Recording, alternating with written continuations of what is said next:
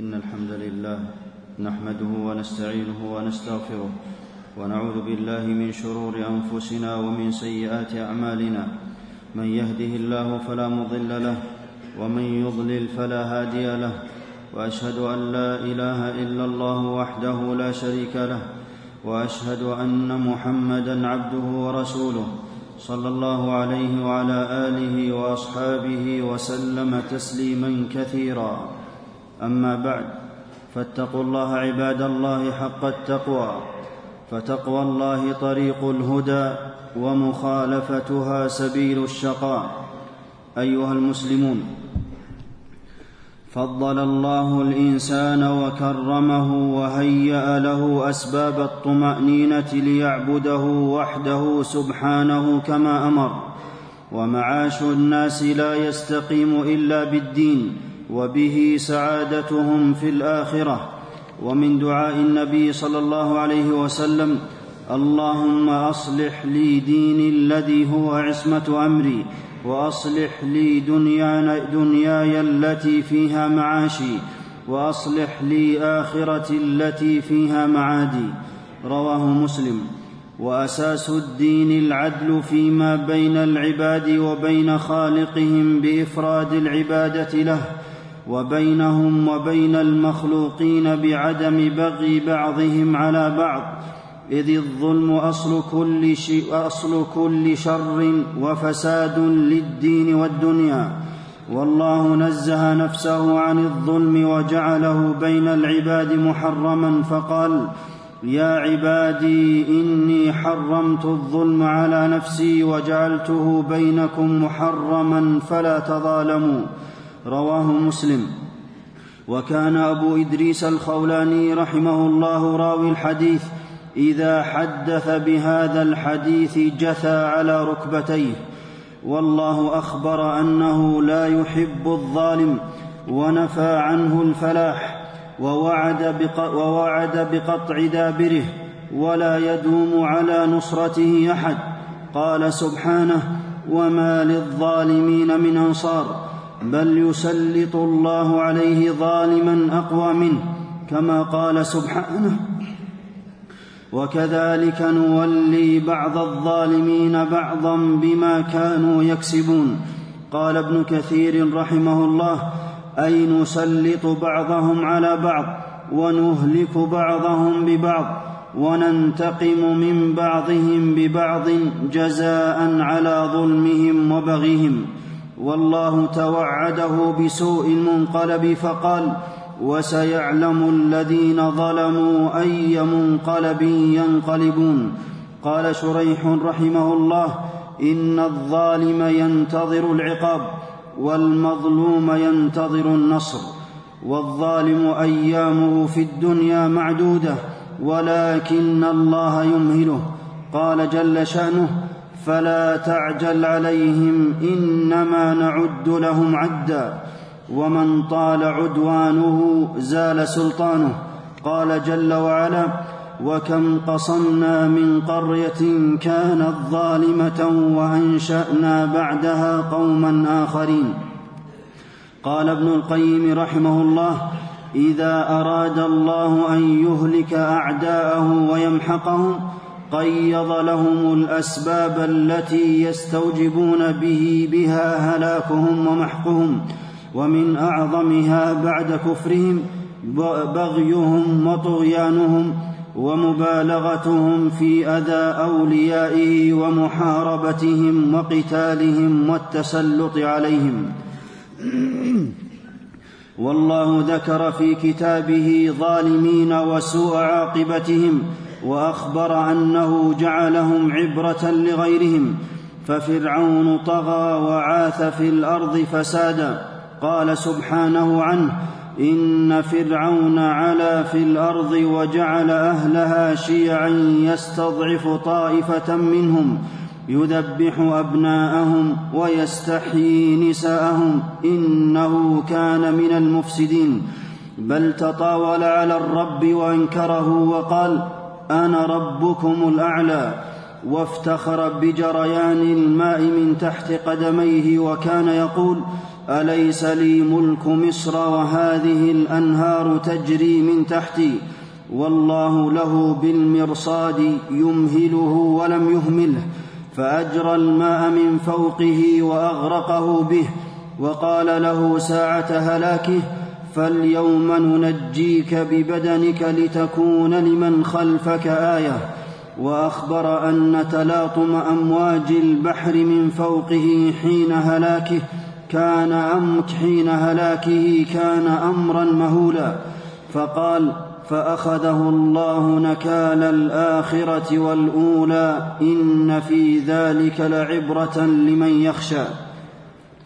وشعيب عليه السلام دعا قومه إلى الإسلام ونهاهم عن ظلم الناس وقال لهم أوفوا المكيال والميزان بالقسط ولا تبخسوا الناس أشياءهم ولا تعثوا في الأرض مفسدين فسخروا به وقالوا له أصلاتك تأمرك أن نترك ما يعبد آباؤنا أو أن نفعل في أموالنا ما نشاء إنك لأنت الحليم الرشيد. فأرسل الله عليهم نارا أحرقتهم وأحرقت أموالهم التي اكتسبوها بالظلم. قال سبحانه فأخذهم عذاب يوم الظلة. أي النار المحرقة النازلة عليهم من السماء. إنه كان عذاب يوم عظيم. وثمود كان ذنبهم مع الشرك عقر بهيمة جعلها الله لهم آية فأرسل عليهم صيحة قطعت قلوبهم. قال شيخ الإسلام رحمه الله فمن انتهك محارم الله واستخف بأوامره ونواهيه وعقر عباده وسفك دماءهم كان أشد عذابا منهم. وإذا وقع بالمؤمنين شدة وبلاء وكرب وعناء فالله لطيف في قدره حكيم في تدبيره قادر على نصرة عباده ولكن لحكمة يبتليهم. قال جل وعلا ذلك ولو يشاء الله لانتصر منهم ولكن ليبلو بعضكم ببعض وهو سبحانه قوي في مدافعته عن عباده المؤمنين. قال جل شأنه إن الله يدافع عن الذين آمنوا. قال ابن كثير رحمه الله يدفع عن عباده الذين توكلوا عليه وأنابوا إليه شر الأشرار وكيد الفجار. ويحفظهم ويكلأهم وينصرهم.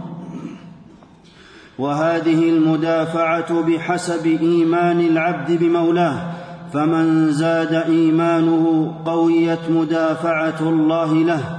قال قتادة رحمه الله والله ما يضيع الله رجلا قط حفظ له دينه والمسلم يأخذ بأسباب النصر ودفع الظلم والقهر بحسن الظن بالله بأن الله سينصره.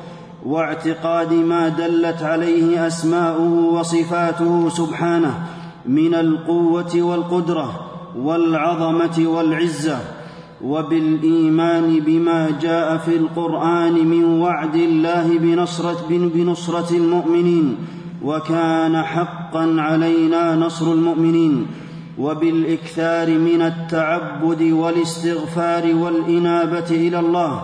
قال سبحانه إن تنصروا الله ينصركم ويثبت أقدامكم والثقة بقرب ساعة الفرج.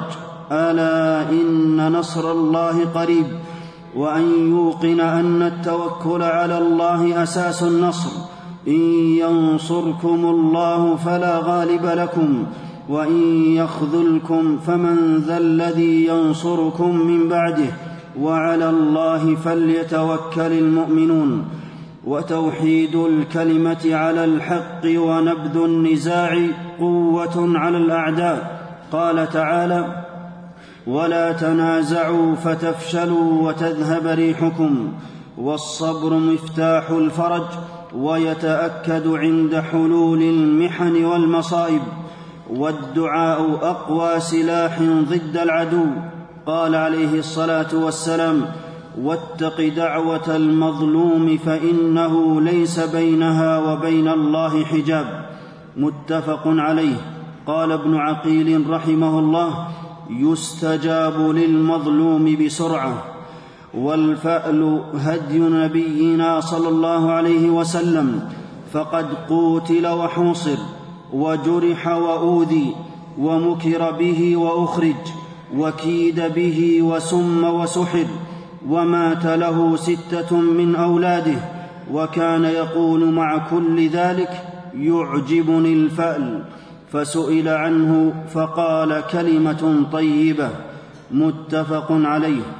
والمسلم موقن بنصر الله ويحرم عليه الركون إلى الظالمين. قال سبحانه ولا تركنوا إلى الذين ظلموا فتمسكم النار. والله بقدرته ينصر الضعيف ولو تكالبت عليه الشدائد أو خذل. قال عز وجل والله غالب على أمره ولكن أكثر الناس لا يعلمون. ونصرة الله للمؤمنين إنما هي بالإيمان والتقوى وهو سبحانه ناصر عباده وإن قل عددهم وعتادهم فالقوة لله جميعا.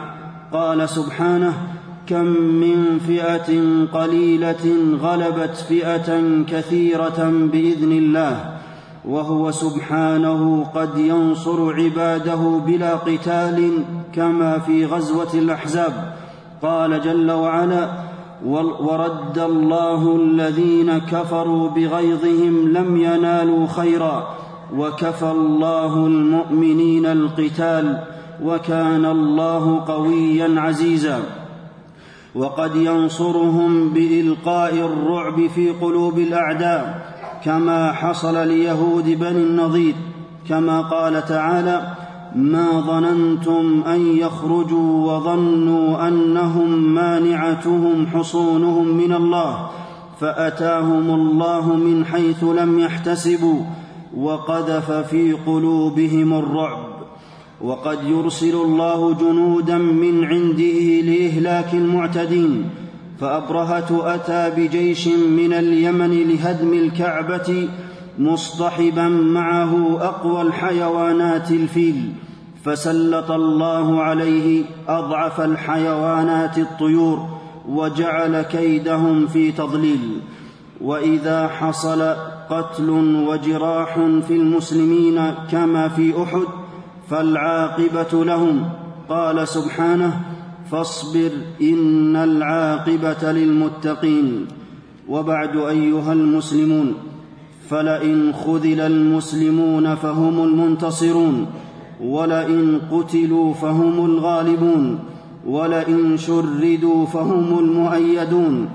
وما تعلق أحد بالله فخذل وما لجأ إليه أحد إلا نصر أعوذ بالله من الشيطان الرجيم. ونريد أن نمن على الذين استضعفوا في الأرض. ونجعلهم أئمة ونجعلهم الوارثين. ونمكن لهم في الأرض ونري فرعون وهامان وجنودهما منهم ما كانوا يحذرون. بارك الله لي ولكم في القرآن العظيم ونفعني الله وإياكم بما فيه من الآيات والذكر الحكيم. أقول ما تسمعون وأستغفر الله لي ولكم ولجميع المسلمين من كل ذنب فاستغفروه إنه هو الغفور الرحيم.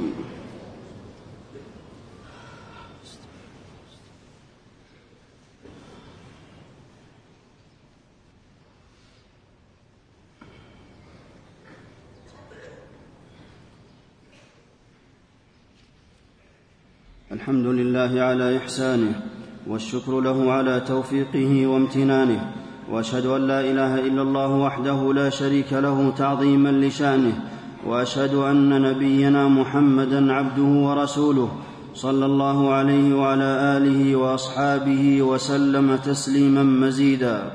أيها المسلمون التاريخ مليء بالعظات والعبر زاخر بالحوادث والقصص وفي معرفة أحوال الأمم وعاقبة الظلم والظالمين عبرة لأولي الألباب والسعيد من وعظ بغيره وسير المسرفين وعاقبة الظالمين ومآلات المجرمين عبرة لمن عرف الله حق المعرفة وآمن بأنه على كل شيء قدير.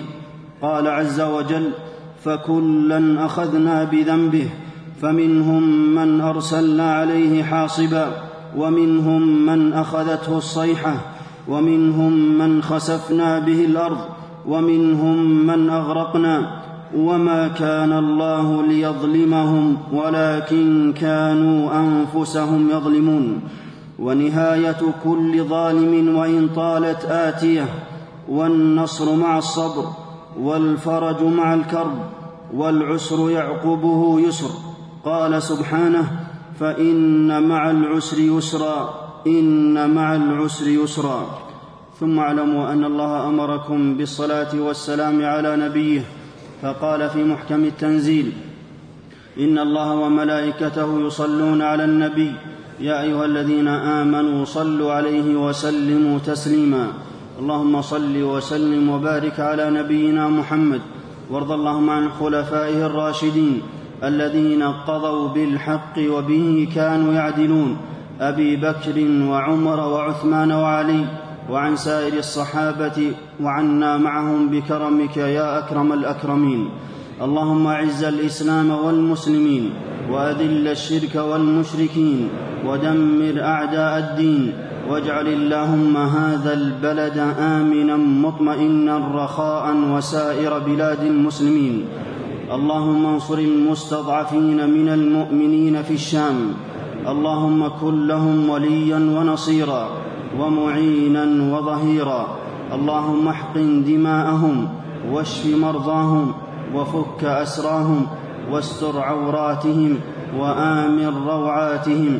اللهم اللهم كن على اللهم كن على من آذاهم اللهم زلزل الأقدام من اللهم زلزل الأرض من تحت أقدامهم واجعلهم عبرة للمعتبرين وعظة للمتعظين.